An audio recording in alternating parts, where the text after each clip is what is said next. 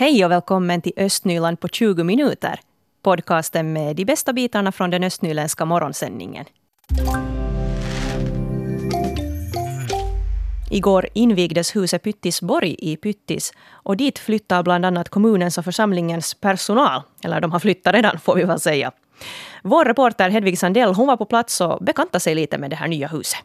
Idag invigs det nya kommunkansliet i Pyttis, det så kallade Pyttisborg. Och det finns här eh, vid motellstranden i Broby, här vid, vid sjön Hotjärvi. Och jag står just nu utanför det här huset och jag tänkte att vi går in och ser hur det ser ut där. Och nu kommer jag in här på första våningen. Här finns det en restaurang där de som arbetar i det här huset kan äta lunch och en matsal här likaså.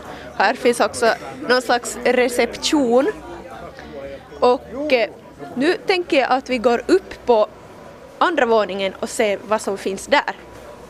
Och nu kom jag upp här på andra våningen och i ena ändan så har församlingen sina kontorslokaler och i andra ändan har kommunen sina lokaler.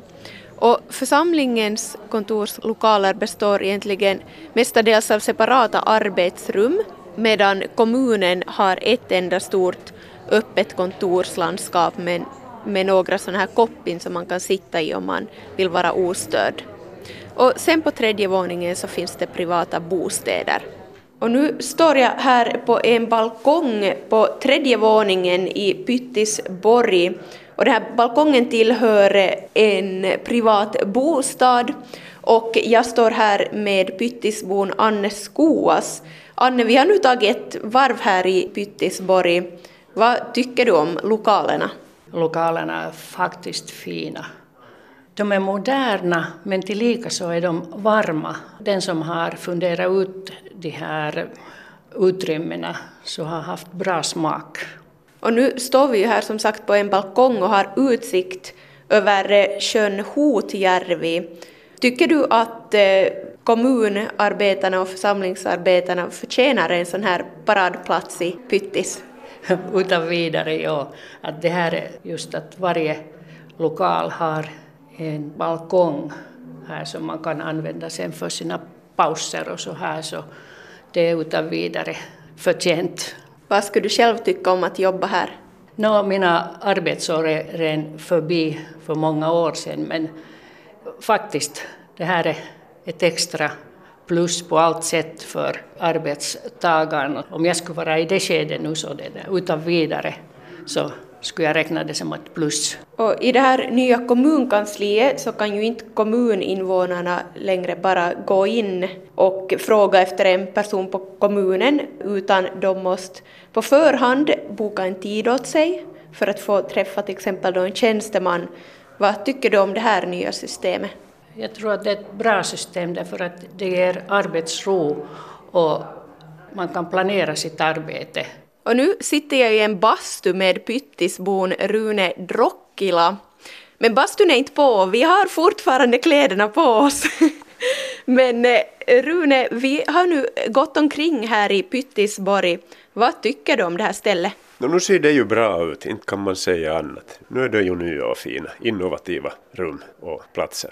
Tycker du att eh, kommunarbetarna och församlingsarbetarna förtjänar en sån här fin paradplats här vid Putjärvi? Jo, det gör de nog säkert och jag tror det här ska ge en boost också liksom åt, arbeta vidare på här i kommunen och få liksom lite lyfta upp oss här i Pyttis att nu, nu, nu ser det bra ut.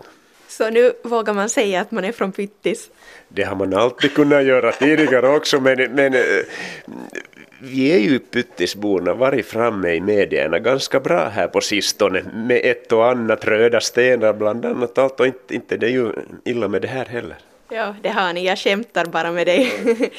och nu så innebär det här ju också att man som kommuninvånare inte bara kan kliva in här på kommunkansliet och prata med någon tjänsteman utan man måste faktiskt boka en tid åt sig. Vad tycker du om det här nya systemet? Det är kanske så där hastigt tänkt när man är eh, gammal kommunpolitiker så, så nu var det ju på något vis när man kunde fara in och, och direkt och prata med tjänstemän så kanske det är lite nytt det här, men nu är det väl så som det nu ska vara nu för tiden. De får också kanske mera, tjänstemännen mera tid för sig själv sen och, och, och vi, de är ju ganska få här i Pyttis ändå trots allt. Och det konstaterar här Pyttisbon Rune Drockila och vi hörde också Anne Skoas före honom. Och det var Hedvig Sandell som var på besök i Pyttisborg. Och om ni vill kolla in hur det ser ut här i det här nya huset så kan ni gå in på webben på svenska.yle.fi östnyland. Där är bland annat en fin bild av hur man lyste upp det här huset under den här invigningsdagen i blått och lila och orange. Så det såg riktigt skojigt ut, som en ljusfestival i Pyttis.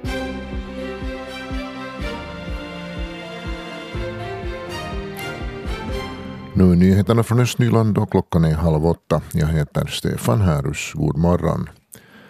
Renoveringen av Borgå gymnasiums fasad närmar sig. Det här skriver tidningen Osima idag. Skolhuset renoverades senast för tio år sedan men fasadrenoveringen sköts på framtiden.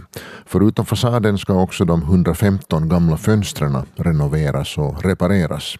Arbetena utförs i etapper och på ett sådant sätt att skolarbete inte blir lidande. Projektet inleds på sommaren och kommer att fortgå under två års tid. Renoveringen beräknas kosta 1,2 miljoner euro. Och vi fortsätter i Borgo. Också stadsdelen Vårberga ska få blinkande blåvita ljus vid skyddsvägar vid Vårbergavägen. I den trygghetsvandring som arrangerades under hösten önskade invånarna i Vårberga att trafiksäkerheten skulle förbättras. Ljusen var invånarnas favorit i den omröstning som ordnades. För förbättringen av säkerheten i Vårberga har reserverats en medborgarbudget på 10 000 euro. Så till Sibbo där Alvägens språkdags eh, Språkbadsdagis ska flytta till daghemmet Lillhjärtat i höst. Den nuvarande dagisbyggnaden borde renoveras men Sibbo kommun har kommit fram till att det inte lönar sig. Det finns en risk att inneluften vid Alvägens språkbadsdagis blir dålig i framtiden. Att flytta Alvägens dagis till Lillhjärtat skulle dock vara en tillfällig lösning. Om bildningsutskottet på tisdag beslutar om den tillfälliga flytten till Lillhjärtat så ska föräldrarna informeras om saken nästa månad. 2019 blev ett rekordår för Lovisa stads museum. Förra året hade kommendantshuset i Lovisa 6 000 besökare, vilket är lite mer än året innan. Samtidigt är det, högsta, är det det högsta besökarantalet på hela 2010-talet. Bruksmuseets smedja i Strömfors hade 15 000 besökare. I år inför Lovisa stads museum en inträdesavgift på 5 euro till museerna, förutom under tisdagar då inträdet är gratis. Och sport. Slalomåkaren Edvard Hallberg från Sibbo deltar idag i de ungas olympiska spel i Schweiz. Det här skriver tidningen Itäväylä idag. Hallberg, eh, som åker för Borgoföreningen Slalom 66, vann bland annat det finska mästerskapet för unga i storslalom och parslalom under förra säsongen. Edvard Hallberg, Hallberg studerar vid Oppdals alpskidningsgymnasium i Norge. Igår var det dags för rättegång mot ledningen inom Akilles bandy här i Borgo. Vår reporter Mira Bäck hon var på plats och får berätta mer. Det var en sammanbiten grupp som bänkade sig i sal 1 i Östra Nylands tingsrätt på torsdagsmorgonen. Två av de åtta åtalade styrelsemedlemmarna i Akilles bandysektion är på plats tillsammans med sin advokat. De åtalas för arbetsgivarförseelse i enlighet med utlänningslagen. Dessutom är ytterligare två personer på plats som åtalas för förfalskning. Den här hela grejen fick sin början i mars 2018 när gränsbevakningen stoppat två ryska bandyspelare som var på väg ut ur landet. Det visade sig då att de hade felaktiga stämplar i sina pass. Enligt passen skulle de ha varit i Bratislava och Bukarest då de egentligen spelade bandy i Borgo. Bandyspelarna kom till Finland i oktober 2017 inbjudna att spela för Akilles. De var här på turistvisum och borde ha lämnat landet tre månader senare eftersom de inte hade ansökt om uppehållstillstånd för arbete. Istället skickades deras pass till Ryssland och kom tillbaks med de felaktiga stämplarna. Spelarna dömdes till 40 dagars villkorligt fängelse för förfalskning och brott mot utlänningslagen redan sommaren 2018. Enligt åklagaren har åtta tidigare och nuvarande styrelsemedlemmar i Akilles bandysektion antingen med flit eller av oaktsamhet haft de två spelarna i föreningens tjänst trots att de har saknat uppehållstillstånd för arbete. Åklagaren yrkar på bötesstraff medan de åtalade säger sig vara oskyldiga och kräver att staten betalar rättegångskostnaderna. Det som var den stora frågan under torsdagens rättegång var följaktligen om spelarkontraktet som de ryska spelarna och bandysektionen skrev under kan likställas med ett arbetskontrakt. Åklagaren anser att de två ryska spelarna har jobbat för Akilles bandy eftersom de har fått en månatlig summa samt reseersättning för tiden de var i Finland och spelade för bandylaget. Enligt styrelsemedlemmarna var spelarna inte anställda utan spela på frivillig basis. Man säger att det är praxis att betala kost och logi åt utländska spelare. Den ena ryska spelaren fick 500 euro i månaden medan den andra fick 1000. Det här förklarar man med att den andra hade sin fru med sig som ju också måste äta. Dessutom undrar styrelsemedlemmarnas försvarsadvokat varför hela styrelsen åtalas då det är styrelsens ordförande som representerar bandysektionen och som skriver under kontrakten med utländska spelare. Det här var alltså styrelsemedlemmarna. Sen har vi ytterligare två personer som anklagas för förfalskning.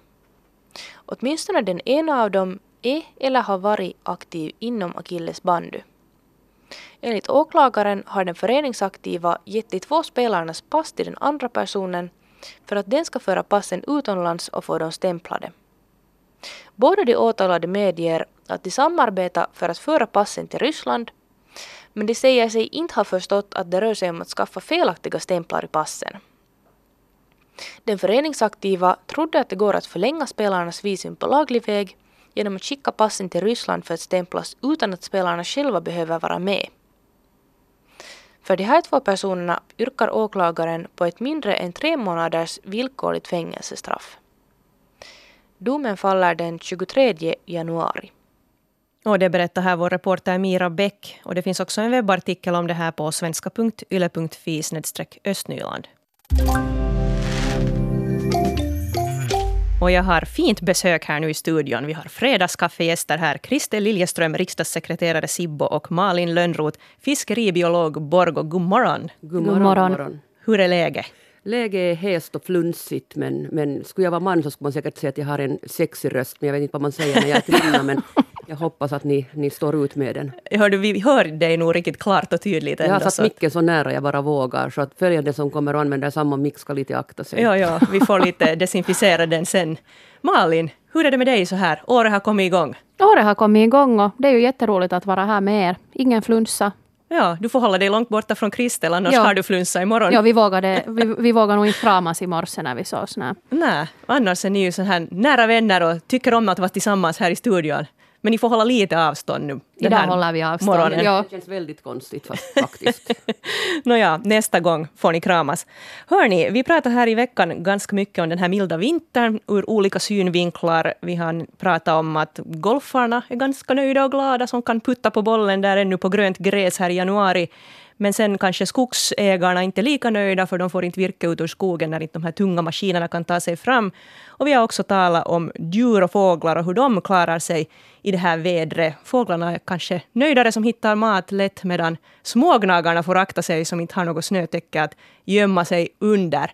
Hur har ni klarat av den här milda vintern? Vad säger Kristel? Och jag gillar den faktiskt. Jag har försökt hitta vilka negativa sidor det finns i den och jag förstår att att det kan kännas för de som vill ha snö omkring sig så är det ju lite mörkt och jäkligt på morgnar och kvällar. Att det är den enda nackdelen jag egentligen ser. För nu har det ju förlängt många säsonger med allt möjligt som underlättar ens vardag man sätter, i, sätter iväg på morgonen och inte har den där snöskoffeln framför sig genast när man stiger ut. Jag menar, jag tänker på djuren och när jag funderar lite på bönderna också så det här är ju ingen nackdel för dem heller så att säga för, för åkerväxten. Så länge inte åkern baddar i vatten så klarar den en sån här vinter hur bra som helst. Ja, vi hade faktiskt en lokal bonde här också från Liljendal som uttalade sig. Malin, lider du av milda vintrar? Ja, det kan hända att vi är inte kompisar numera med Kristel efter det Ni kramas Alltså, inte jag- nästa vecka. Nej, alltså jag, jag, jag, jag lider och jag, jag, jag förstår ju överhuvudtaget inte människor nu då som, som, som liksom tycker att det är helt liksom okej att det inte kommer någon snö. Ja. Men vi är väl olika. Alltså, ska jag räkna upp allt det här liksom nega- enda fördelen, förutom att det är ljusare när det är snö, så vad, vad, vad vet jag annat? No, det är att liksom Finland har fyra årstider. Nu för tiden har vi två. Det är liksom någon slags sommar och sen är det bara regn och grått och eländigt. Då. Liksom jag räknar från oktober till april. Att ska det då vara liksom, jag- hatar alltså hösten. Ja. Och jag överlever den därför för att jag vet att det kommer något efter det. Men om jag måste vänta ända till sommaren eller våren. ja, eller så blir det kanske inte sommar så du får vänta Nej. till hösten och så är det åter höst. Och, Ja. och så här att... Nu är deprimerande. Så jag är lite deprimerad. Men, men det hör inte i min natur liksom att, att vara nu sådär jätte liksom deppig. Att nu är det som det är.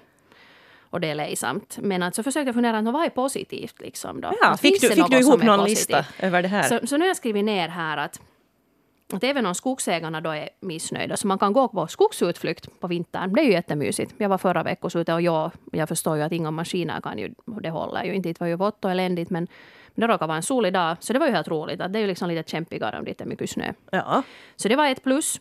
Och ett annat plus var de här massor av fåglar. Alltså jag har aldrig sett så mycket fåglar tror jag. Jag har varje år en sån här bångningslista nu. Eller haft några år. Att jag skriver upp att vad jag ser. Okej. Och- Så du är lite jag fågelskådare? ja, Ja. ja. lite. Så, det- så det var ett sådant plus. Eh, eller sen så kan man ju bara så här gå liksom ut på kaffe. Så här i Gamla stan eller i Hesa.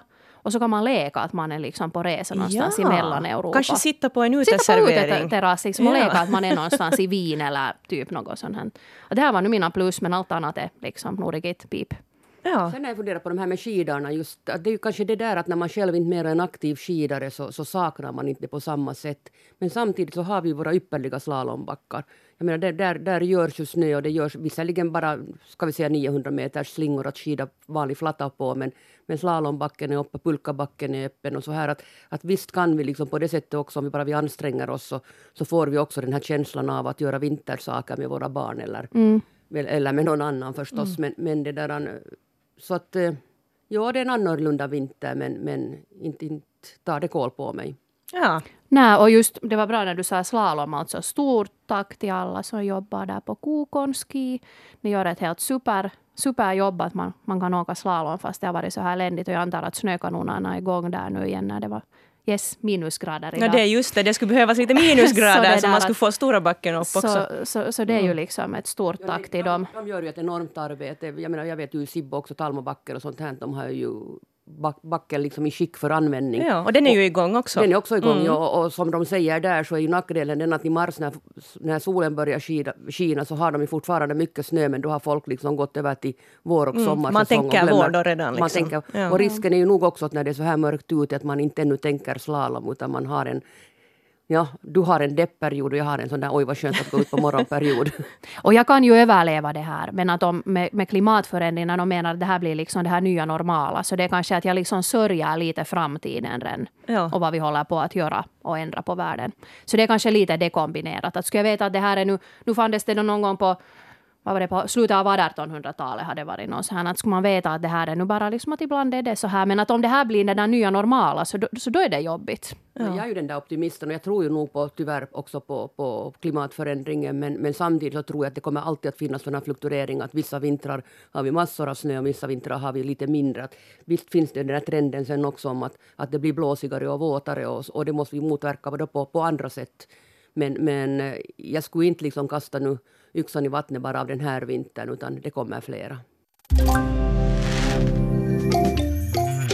Är någon av er kanske Borgos bästa trubadur? I så fall ska ni skynda på och anmäla er senast den 12 januari, alltså här om ett par dagar. Och då kan ni vara med och tävla om den här titeln på Kulturhuset Grand i februari.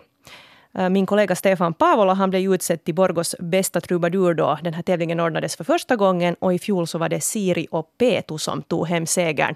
Och Siri kommer att sitta med i juryn i år, Fredrika. Jo, det kommer också Stefan Paavola och Janne Mansikka att göra.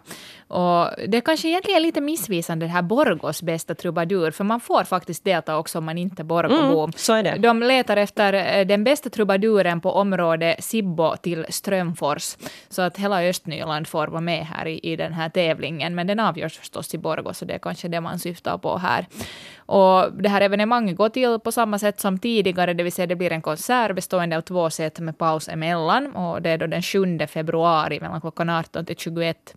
Och sen efter den här konserten så får publiken och juryn rösta på sina favoriter och, och vinnaren kröns sen då till Borgos bästa trubadur 2020. Och priset är sen då en konsert på Kulturhuset Grand under våren 2020, eller året 2020 egentligen. Så att eh, det är ju trevligt det. Det brukar ju vara ganska så här kostsamt att ordna konserter, men nu får man arrangemangen gratis där på Kulturhuset Grand. Östnyland på 20 minuter är en Svenska Yle-podcast. Det finns flera poddar på arenan. Jag heter Katarina Lind. Tack så mycket för sällskapet. Vi hörs.